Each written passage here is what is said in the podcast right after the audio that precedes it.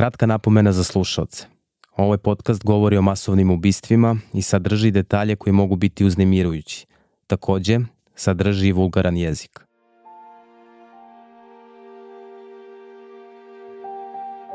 Moj sin je nedavno glumio u predstavi o Crvenkapi. Šta je to tu? E, pravila sam kolače za baku. Ti si pravila kolače. Treba ti da praviš kolače. Zna. Znaš kako ide ta bajka? Majka da Crvenkapi korpusa kolačima da odnese bolesnoj baki. Ona upozorava čerku da ne ide kroz šumu, jer tamo vreba opasnost. Crvenkapina mama ne brine o tome šta Crvenkapu čeka u bakinoj kući. Tamo se podrazumeva da je bezbedno. Ali upravo tamo je čeka veliki zli vuk.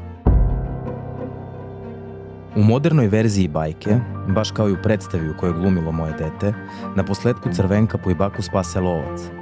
Ali u originalnoj, koju je napisao Charles Perrault, priča se ne završava tako. Kada Crvenkapa uđe u bakinu kuću, vuk je pojede. I tu je kraj. Zar ovo nije kao ono što se dogodilo u Ribnikaru? Zar škole nisu, ili bi bar trebalo da budu, bezbedno mesto? Škola je bilo safe zone, znači- kad uđe u školu, ja znam da je bezbedna. Ti si bila kod kuće na sigurnom, sad si na sigurnom, pošto si ti u školi. Ja sam Stefan Marković, a ti slušaš podcast Tragovi. Serijal Zao čas. U ovom podcastu istražujem masovno ubistvo u osnovnoj školi Vladislav Ribnikar i ono koje u Malom Orašju i Duboni usledilo samo dan kasnije.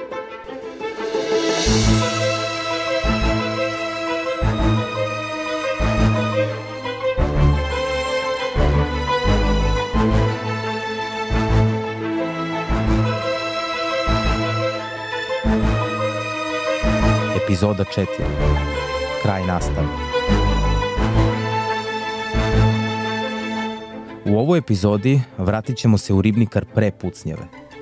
Potražit ću odgovor na pitanje koliko su škole bezbedne, kakva je uloga pedagoga i psihologa i zašto oni nisu videli nešto ranije. Pitanje je koliko zapravo pedagozi i isto tako i psiholozi imaju mogućnosti da se bave onime što je suština njihovog posla, jer imaju zaista m, očigledno puno administrativnih obaveza. A potražit ću i odgovor na pitanje kakvi su se potezi povlačili u školskom sistemu nakon tragedije u Ribnikaru.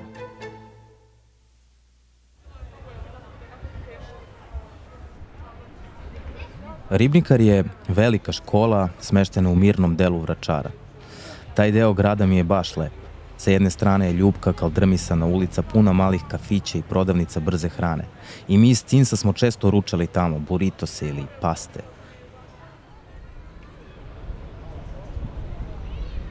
Školsko dvorište je ograđeno, a na jednom zidu škole je oslikan mural, Mali princ. Baš u tom dvorištu je 3. maja i uhapšen ubica. Postoji ta priča da je Ribnikar jedna od najboljih, ako ne i najbolja osnovna škola u Srbiji, ali i da je pomalo elitistička. I baš zbog toga, Suzani i Milošu Čikiću ona nije bila na vrhu liste kada su birali školu za svog sina Andriju. I Ribnikar nam je bio poslednja jer često je bilo ono kao snobovska škola. I mi smo malo imali kao kartu. Suzana i Miloš su takvi roditelji da kada treba da se donese neka odluka, oni su u to uključivali i svog sina. Tako je bilo i ovog puta. Nakon što su obišli nekoliko škola na Vračaru i Dedinju, otišli su i do Ribnikara. Tamo ih je dočekala pedagoškinja. Pa ti si stvarno sjajan. Ajde, kaže, da li znaš šta znači je? Kaže, ne znam. Kaže, to je na francuskom ja sam. Da li možeš da napišeš svoje ime i prezime, ko si ti? Da, mogu. Uzim ovo. Izvinite, čirilicu ili latinicu? I ona ga pogleda, kaže, dušu kako god hoćeš. Čikići su bili oduševljeni školom. I to ne samo tada, pre upisa, već i kasnije. Jer Andrija je bio takvo dete da su ga u školi svi voleli i dopuštali mu, recimo, da za vreme odmora svira klavir u školskom hodniku. Ja mu spakujem doručak ovaj, svako jutro i na par dana, ne znam, treba da izadim nešto iz njegovog ranca, ja shvatam da su to tri, četiri užine koji su se onako već pojeo. u- ubačili koji nije pao. Rekao, pa dobro, zašto ja pakujem doručak? Rekao, što ne, ne pojedeš to? Kaže, nemam vremena. I sad, mi nismo znali zašto nema vremena, tek, po, tek sad su nam... On ovaj, svira za vreme profesor. odmora. Za vreme velikog odmora bio je klavir u, u holu dole u prizemlju i on je svirao, na to, dobio je dozvolu od direktorice i on je svirao na tom klaviru. Tu se okupi gomila dece, profesora i onda naručuju pesme, pevaju zajedno. Ne, Andrija se baš lepo uklopio. On je volao svoju školu, volao nastavnike, volao drugare. Njemu je ribnikar isto bio. On je bio ponosan um, kad nešto dobro uradi za ribnikar. I ni u najmračnijem scenariju roditelj ne pomišlja da bi nešto loše moglo da se desi detetu u školi. Recimo, naš sin ide u drugi razred i on ide sam u školu. I ono čega se moja supruga i ja plašimo je taj put od kuće do škole. Zato smo mu kupili smartić satić da bi mogao da se javi čim stigne. Mislim da je slična stvar i kod drugih roditelja. Recimo, slično su razmišljali Ivan i Ninela, roditelji ubijene Ane Božović. Nama je škola bila, kako vam kažem, vi detetu date mobilni telefon i onda mi gde živimo, kažem, pazi kako prelaziš bulevar, Nemoj preko nemoj da taša idemo preko pričaš. taša, ni sa kim ne pričaj, javi mi se kad dođeš u školu. Ili I kad- bilo je sa, sa sinom kasnije, ugasiš tele, dođeš u školu, javiš se, ugasiš telefon, posle kad izađeš upališ i javiš se da si krenuo i tako. Škola je safe, Škola je bilo safe zone, safe, znači, kad uđe u školu, ja znam da je bezbedna. Jer ta škola, pogotovo što oni nemaju ni dvorište ka... Ka, Ka, ka ulici. I oni bukvalno ne smiju ni da izađu iz škole Da. dok su u školi. I imali su obezbeđenja koje smo mi plaćali sa oba, eto, Dragan je bio sa jedne strane, njegov kolega je bio s druge strane gde je ulaz za mali deo od prvog do četvrtog razreda su dečica ovaj, ulazili na To nije pao. Ma nije, mislim, Nikom. niko, niko, niko. Ni za Angelininu mamu, Nataliju Aćimović, škola nije bila mesto gde se dešavaju tragične stvari. Možda neka koškanja i sitne povrede, ali krvoproliće svakako ne.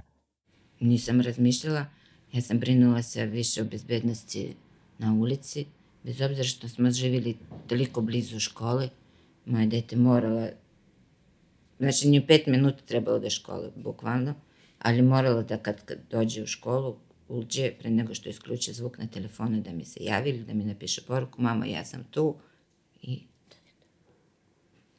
Mislim, tu, znači, tu, znači, ti si bila kod kuće na sigurnom, sad si na sigurnom, pošto si ti u školi.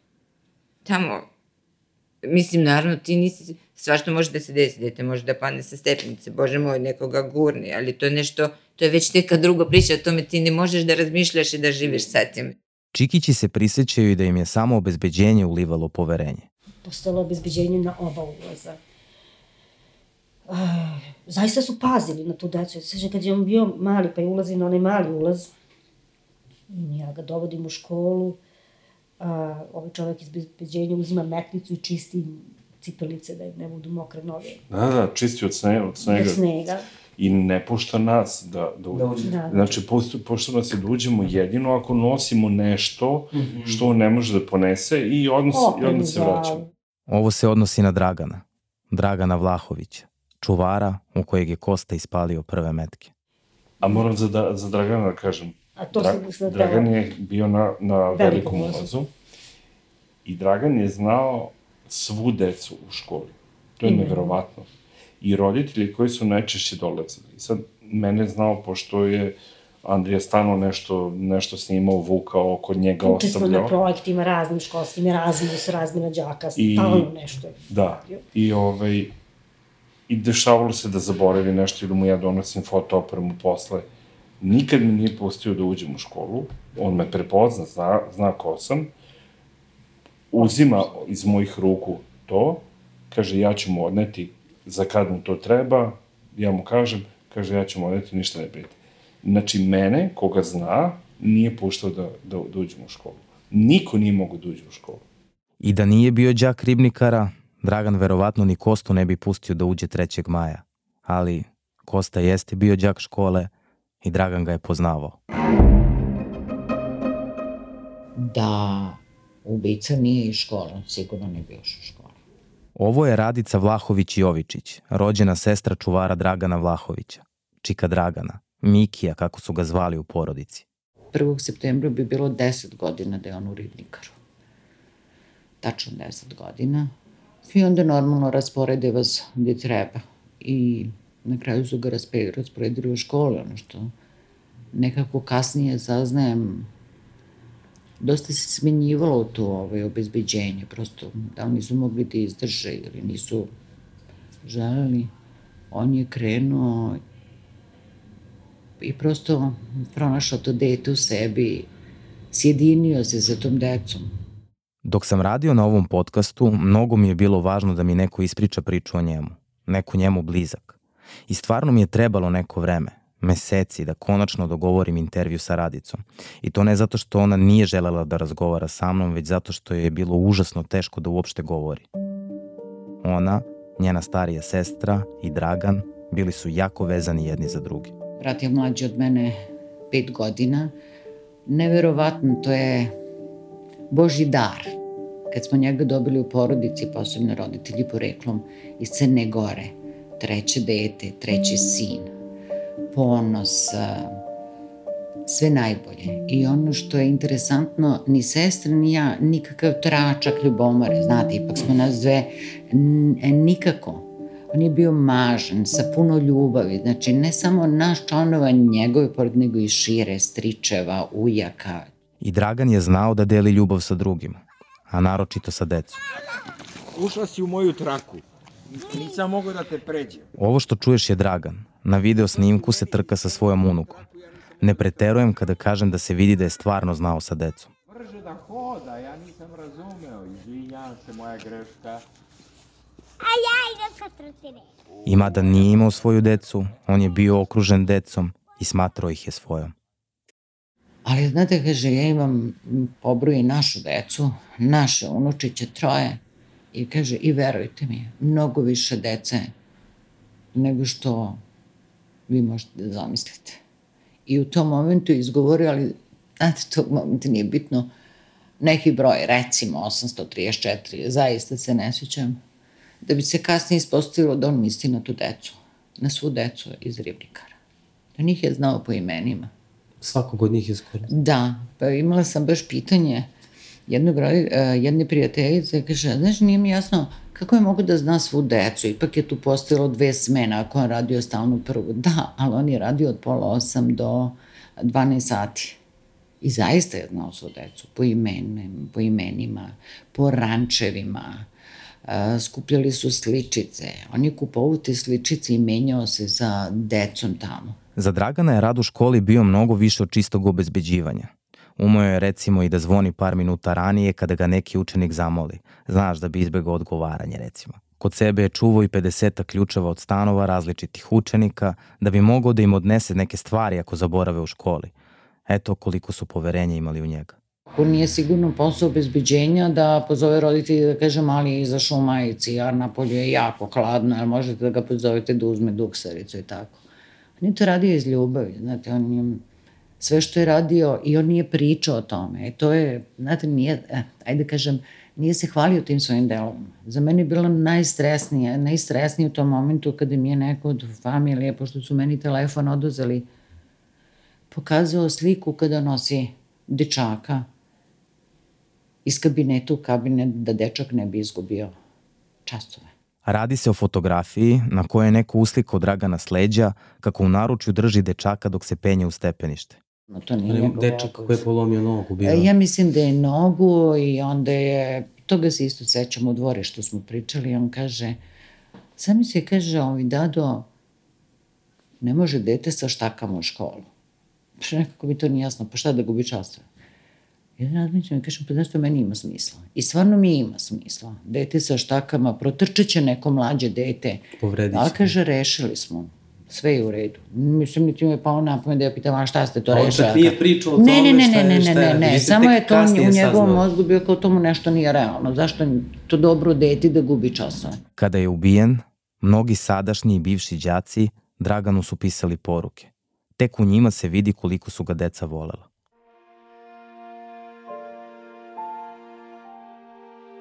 Dragi naš Čika Dragane, hvala vam na ulepšanom detinjstvu, šali, zagrljaju, pozemljenom novcu za užinu i smehu.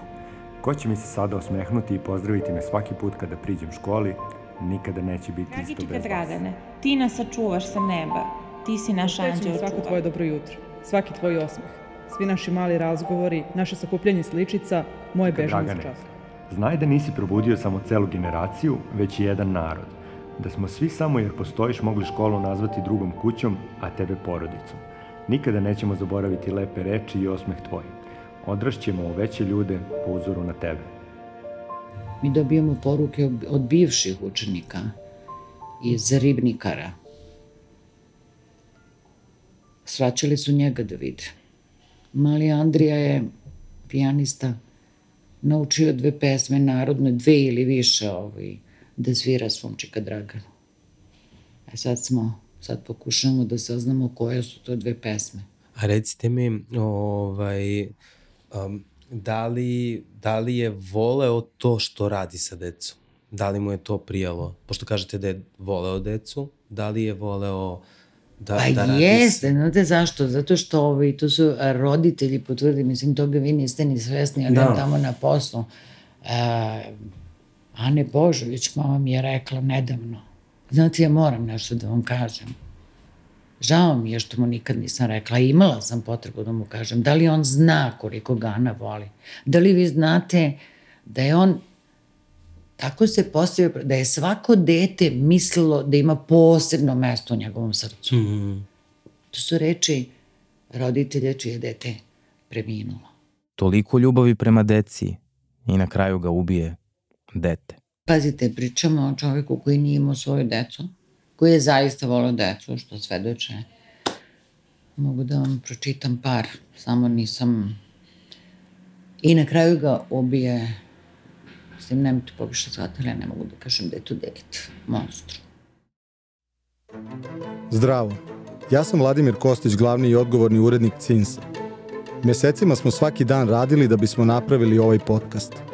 Stefan i Jovana su intervjuisali na desetine sagovornika, pregledali na stotine stranica dokumentacije i prešli kilometre i kilometre kolima.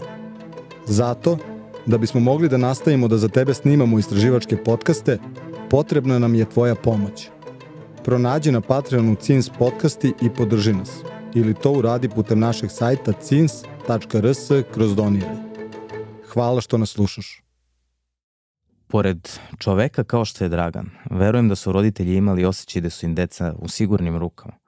Ali, iako je poznavao svu decu i radio stvari koje nisu u njegovom opisu posla, teško da je Dragan mogu i da pretpostavi da će u školu ući dete naoružano pištoljima i molotovljevim koktelima. Dragan je bio prva žrtva. Kosta mu je pucao u leđa. Pa, da li je neko mogu da primeti da Kosta sprema tako nešto? Da li je bilo nešto neuobičajeno sa njim? Iako jeste, ko je to trebalo da primeti i da eventualno reaguje? Direktorka? Stručna služba? Nastavnici? Što se tiče nastavnika, ja stvarno, ja sam uvek, eto, do 3. maja bila manje ili više zadovoljna tim nastavnicima. Sad koliko možete da budete zadovoljni školskim sistemom u Srbiji, ali manje više korektno je to bilo. Međutim, sa radom uh, psihologa i pedagoga nisam bila zadovoljna i nisam imala dobra iskustva ni sa jednom, ni sa drugom. Pa koja je uopšte uloga školskih pedagoga i psihologa i da li zaista može da leži odgovornost kod njih? Odgovor na ovo pitanje potražio sam kod profesorke sa Filozofskog fakulteta u Beogradu Vere Spasenović, koja se bavi školskom pedagogijom. Kada se desi neki nemili događaj ili neka tragedija, onda je prvo pitanje da li je to moglo da se spreči tako što bi bilo prepoznato da određeno dete ima problem i da li su to ljudi u školi videli, da li su ga identifikovali kao potencijalni problem, da li su nešto uradili. I u ovom slučaju, potencijalno neuobičajeno ponašanje kod Koste mogao je neko da prepozna. Ne zaboravi da pričamo o dečaku koji je prema rečima policije ubistvo pripremao mesec dana. U njegovoj sobi je pronađen plan škole koji je nacrtao, ali i spisak učenika koje je označio kao glavne mete. Među njima je najviše onih iz 7.2, odeljenje u koje je i sam išao. Moglo bi se očekivati zapravo da je ipak neko u školi nešto primeti ako razgovara sa učenicima, ako osluškuje ono što učenici imaju da kažu, ako prati dinamiku odnosa između učenika. Trebalo bi da se primeti da nešto ne funkcioniše na najbolji način i da se prepozna da recimo određen učenik ima probleme i da bi s njim trebalo raditi ili ga uputiti negde. Ali nekada se dešava, kaže, da takvo ponašanje prođe neprimećeno. Naročito ako se radi recimo učeniku sa dobrim uspehom u školi koji nije pokazivao neke znake nasilja, kao što je bio slučaj sa Kostom. Opet ima i nekih uh, takvih situacija da to prosto ostane ispod radara, da se ne primeti, da na prvi pogled sve dobro izgleda, ako se ne udubljujemo da zapravo ovako i školski uspeh i ponašanje učenika bude na nekom pristojnom nivou ovaj, i da za, niko to ne primeti. Iako bi u praksi školski psiholozi i pedagozi trebalo da budu na neki način prijatelji učenika, ali i nastavnika, da razgovaraju sa njima, da zajedno rešavaju probleme, analiziraju ponašanje razreda i slično, u praksi pa nije baš tako. Obično su predstavljeni kao nekakve babaroge, kod njih se ide po kazni. Znate kako, u našoj praksi se često dešava i tako se, nažalost, stručni saradnici i pedagog i psiholog doživljavaju kao osobe kod koje se ide onda kada si um, napravio neki problem. Ali zašto je to tako? Pitanje je koliko zapravo pedagozi i isto tako i psiholozi imaju mogućnosti da se bave onime što je suština njihovog posla, jer imaju zaista očigledno puno administrativnih obaveza. Vera primećuje još jednu stvar, a to je nastavnički kadar. Već odavno se priča kako je nastavnički poziv degradiran, kako su izgubili autoritet i u sve to su i slabo plaćeni. I zato je mnogo njih i demotivisano za posao, a oni su ti koji su prva veza između učenika i škole. Ali ni psiholozi ni pedagozi nisu u boljem položaju. Zapravo, njih ima jako malo. Mislim da je jako važno prvo da bude veći broj uh, stručnih saradnika i isto tako mislim da je važno da škola ima i psihologa i pedagoga. I zato Vera smatra da nije baš lako da se uperi prstom u nekoga i da se kaže, e, ta je krivac. Jer u ovom slučaju ima mnogo krivaca. Negde je očekivano da se odgovornost traži, ali nisam baš sigurna da je potrebno da skidamo glave zbog toga. Kada, kada razmišljamo o tome gde tražiti sve odgovornost, mislim da je, možemo da je tražimo na različitim mestima i na različitim nivoima. Pre svega u društvu u kome živimo jer i škola je produkt to, tog društva. Škola ne može da funkcioniše samostalno kao neko pusto ostrvo. Ali glave jesu skinute. Krajem maja 2023. inspekcija Ministarstva prosvete pokucala je na vrata ribnikara. Pronađene su mnoge nepravilnosti.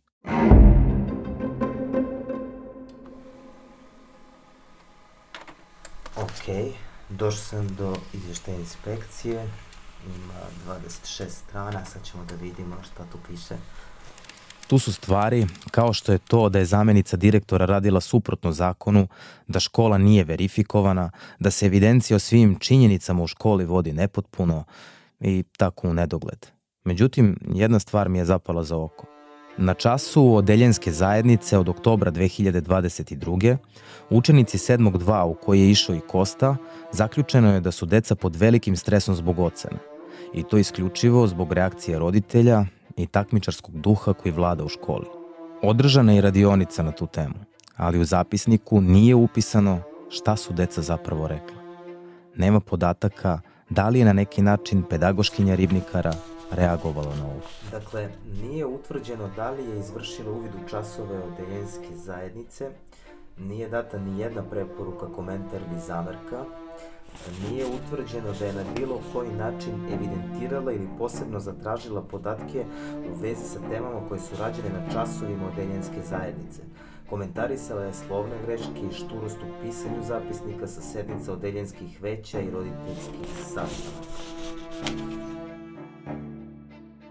Nakon inspekcijskog nadzora, školska pedagoškinja Jelena Vujičić, ali i psihološkinja Lidija Maksić i sekretarka škole Nevena Pavlović kažnjene su tako što im je sa dve plate skinuto po 20%. Prema predlogu inspekcije, smenjena je i direktorka škole Snežana Knežević. Da li znaš kako i na šta se troše tvoje pare? Otkri to u našem drugom podcastu Glasna žica. Pronađi ga na našem sajtu ili na platformama na kojima slušaš podcaste. Da bih ti bar delimično pokazao kako je tragedija u Ribnikaru uticala na preživele učenike te škole, razgovarao sam sa Aleksandrom Bulatović. Njen sin je do sedmog razreda išao sa kostom u odeljenje. Jednostavno, taj dečak nije nikada pokazivao neku um, neko interpersonalno nasilje fizičko. Pa da bi to moglo da se, kažem, poveže. Niti se tukao, niti je um, preterano učestvovao u nekom vršnjačkom vređanju. Jednostavno dečak koji nije u tom smislu nikad pravio probleme, Od kako je Kosta prešao u drugi razred, Aleksandrin sin i Kosta nisu išli u istu smenu. 3. maja Vesto Pucnjavi u Ribnikaru Aleksandru i njenog sina dočekala je za doručkom. To je bio prvi šok, a onda još jedan kada su videli ko je sve ubijen. I onda sam videla imena dece i među njima je bilo jedno ime koje mi je bilo dobro poznato. Devojčica koja je bila bliska prijateljica mog sina, ajde da kažemo najbolja drugarica iz škole, je stradala ja prosto nisam mogla da verujem. Bila je to Sofija Negić. Aleksandrin sin je teško prihvatio ovu vest i još teže se borio da procesuira čitav ovaj događaj. On nije mogao da jede posle, nije mogao da pije, gutlje vode nije mogao da prokuta. Znači, potpuno je dete bilo van sebe na način na koji ga ja nikad tako doživjela nisam. Naravno, on je odmah imao i, i reakcije ljutnje, usmerene besa, usmerene na, na dečaka koji je izazvao tu užasnu tragediju svojim činom. Uh, ja sam pokušavala da to nekako smirim, ali sam, priznajem, imala osjećaj da jednostavno nisam dorasla na zadatku. Ovo je samo jedan od preko hiljadu učenika koji pohađaju Ribnikar. Aleksandra je sina ispisala iz te škole, ali mnogi roditelji to nisu, a njihovoj deci je bila potrebna pomoć. Neposredno posle tih tragičnih događaja, eh, ja sam u svojstvu predsednice društva psihologa organizovala volontersku pomoć eh, školi u Ribnikaru tako što sam pozvala preko sajta Društva psihologa, u stvari volontere da se jave, da ko želi da se organizujemo i da budemo tamo na terenu, jer su psiholozi obučeni za intervencije u krizi. Ovo je Tamara Džamonja Ignjatović, profesorka sa Odeljenja za psihologiju Filozofskog fakulteta u Beogradu. Odmah nakon pucnjave u Ribnikaru, bilo joj je jasno da će i učenicima, ali i nastavnicima te škole biti potrebna psihološka pomoć. Zato je organizovala volontere. Taj odziv je zaista bio fantastičan jer je u već prvog dana, to popodne, smo mi dobili skoro 50 prijava. Za 48 sati, a to je bio vikend, dobili smo 180 prijava ljudi koji su bili spremni da odu na teren u bilo koje doba dana i onda smo krenuli u tu koordinaciju ko će kada u kojoj smeni biti. Po dvoje kolega je bilo prepodne, po dvoje popodne. Ali volonterima nije bilo ni malo lako. Radili su sa istraumiranom decom i nastavnicima koji su bili pogođeni najstrašnijom tragedijom od kad znam za sebe. Među decom koje su 3. maja bila u Ribnikaru bili su i sin i čerka Dejana Tomke. On radi obradu i dizajn zvuka naših podcasta i u njegovom studiju inače snimam naraciju.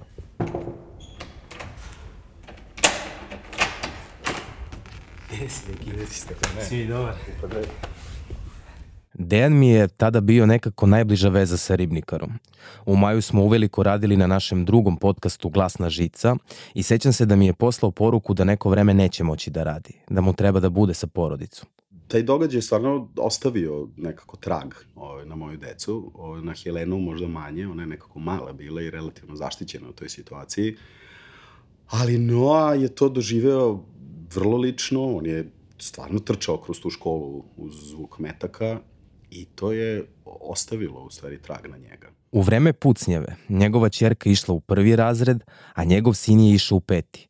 U isto odeljenje u koje su išli Ana i Bojana, koje su tog jutra ubijene dok su dežurale. Ja se sećam da je on pre celog tog događaja, recimo kad se čuje zvuk vatrometa, hvala Bogu kod nas nešto stalno ima nekih vatrometa, i uvijek bilo trčanje na prozor, da li se slučajno vidi i gde bi mogao da bude taj vatromet. U danima nakon Ribnikara, ja sam imao osjećaj da nikad više vatrometa nije bilo, a njegova reakcija svaki put je bila da se onako uspravi, otvori oči, razrogači, pogleda u mene i pita šta je to, šta se to čuje, jel, jel to puca nešto? Tamara Džamonja Ignjatović kaže da su se volonteri koji su pružali psihološku podršku upravo sa takvim emocijama susretali. Strah, uznemirenost, jedno e, nemogućnost da se shvati da je tako nešto moglo da se desi. Drugo, e, među samim nastavnicima je bilo onih koji su bili tu na licu mesta. E, deca su neka bila u drugoj zgradi, većina je, bil, mislim, mnogi su bili u drugoj smeni, ali su ljudi bili potpuno različito pogođeni istim iskustvom, jer je neko to doživeo direktno, neko indirektno, ja mislim da je cela zajednica to doživela indirektno i da, da smo svi bili u tom prvom trenutku u šoku. Znači, to je bila strah, tuga, Mislim, da shvatite da su ti mladi životi ovaj, tako otišli u jednom trenutku i to je bilo uh, više nego potresno. To je bilo jako potresno i za same pomagače. I zato su, su se ismenjivali. Niko nije mogao tu da boravi duže od četiri sata, jer je to bilo toliko teško. A onda je vlada Srbije formirala radnu grupu koja se bavila masakrom u Ribnikaru i onom u Malom Orošiju i Duboni. I psiholozi koji su pomagali deci u tragediji postali su deo te radne grupe kojim je rukovodio Institut za mentalno zdravlje. Radno telo vlade Srbije donelo je odluku da se u školu krene samo nedelju dana nakon masakra. Na isti dan kada se tragedija dogodila. U sredu. Isti raspored časova i ista škola koja je postala mesto zločina. Recite mi kada, kada se završi, to je kad se desilo masno ubistvo u školi, posle nedelju dana se mhm. krenulo u školu. Da li mislite da je to bila adekvatna odluka? Ne. Ne. ne. Dve neadekvatne odluke su donete u brzini. Prva da se nastavi škola, a druga da se prekine škola. Uh, dakle, nastavak škole je trebao da se dogodi, ali ne na takav način i tako brzo. Znači, on je morao da bude upravo planiran. Ninelu i Ivana roditelje čije dete ubijeno dok je dežuralo, ovakva odluka je šokirala. To je po meni isto na, na ta, takav skandal da ja nemam reči vraćati decu na mesto masakra nedelju dana kasnije i da su deca želela da vide gde su im drugarice ubijene, pa su onda oni, jeli tako, odveli decu u hodnik škole. I plakali. I plakali. Profesorka Tamara Džamonja Ignjatović kaže da je sve to trebalo bolje da se isplanira. Važno je bilo da kada uh, vi doživite nešto, kažem, nisu svi bili podjednako traumatizovani. Neka deca su čula šta se desilo u drugoj smeni, bila su u drugoj zgradi i tako dalje. E, svi su oni imali potrebu da se okupe. Ne da svako bude u svojoj kući. Ali to okupljanje u školi e, na njih može da deluje tako što ih retraumatizuje, a može da deluje tako što se polako saučavaju i ovladavaju svojim traumatskim iskustvom. I zato je važna ta priprema. Zato je bilo važno planirati povratak u školu, gde će se raditi, kako će se raditi, u kom prostoru. I baš kao što je brzinski doneta odluka da se deca ekspresno vrate u školske klupe, nakon samo nedelju dana od ubistva, tako je doneta i odluka da se nastava obustavi pre vremena. I za to, kako kaže Tamara, niko nije znao. Prvo, e, to nije bilo u dogovoru sa radnom grupom. O tome nije bilo uopšte reči. Mi sve vreme planiramo kako ćemo šta dalje, e, koje timove, s kojim odelenjima, ko će raditi sa roditeljima, ko će sa roditeljima ovog odelenja, ko će sa roditeljima koji su izgubili decu. Vlada Srbije donala je neočekivanu odluku. Školska godina za sve učenike srednjih i osnovnih škola širom Srbije biće završena 6. juna, odnosno sledećeg utorka, umesto da traje do 20. juna, kako je kalendarski bilo predviđeno.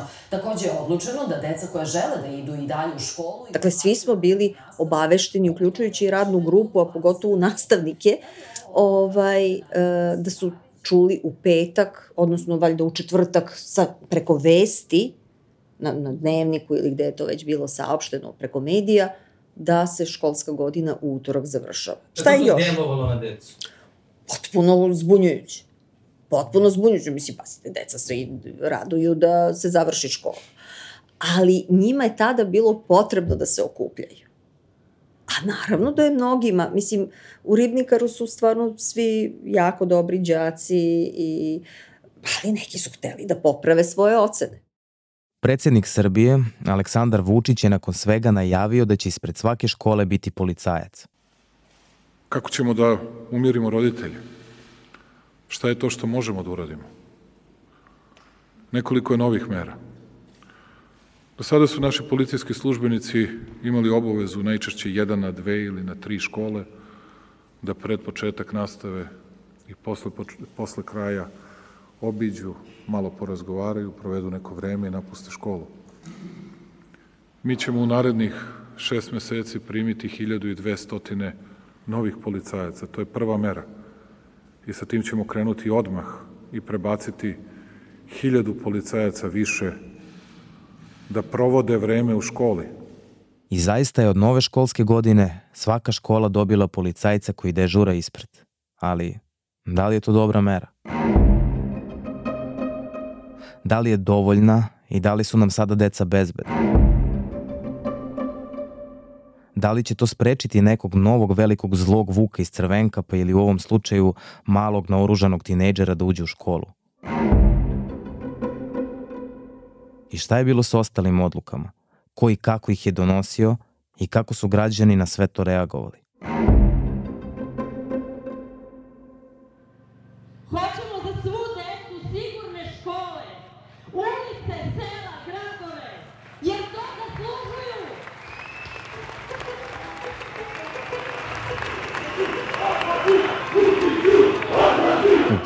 Epizodi serijala Zao čas govorimo o tome šta se dogodilo nakon masakra. Koga su institucije označile kao odgovorne? Želim da javnost zna da smo sproveli opsežnu istragu u vezi s okolnostima pod kojima je krivično neodgovorno dete od 13 godina izvršilo najteži zločin u istoriji ove zemlje. Da li su kazne adekvatne? Faktički to ispada godinu dana po detetu. Mislim da to nije uzor za drugu decu. Svi prate ovaj slučaj. Kad budu vidjeli da je takva mala kazna, verovatno će neko da pokuša da uradi takvo nešto opet, jer ništa to nije neka drastična kazna za njega. Ali i kako se sa gubitkom nose porodice nastradalih i mi kao nacija? Ceo dan kad smo u kući, nema tišine. Dok nešto radimo. Ta tišina koju smo zatekli posle. Nema klavira. Ja da sam hteo čeru, ja bi baš tako hteo. I to smo svaki dan svaki govorili. Dan. Ali to što je ostalo, to više nije život, nego postojanje. Prirodna reakcija ljudskog bića, to je da se oporavlja. Mora da bi išao dalje. Mora čak i kad ima neki ogromni lični gubitak, kao što znamo, jel, kad gledamo oko sebe. Tako da u toj odbrani se oporavljamo. Ta rana zarasta, pa ta krasta otpadne ili ostane ožiljak. I ovaj je prilično ružan i dubok. Ovo je bio podcast Tragovi. Zao čas. Moje ime je Stefan Marković. Na istraživanju je sa mnom radila Jovana Tomić. Uređivao Vladimir Kostić.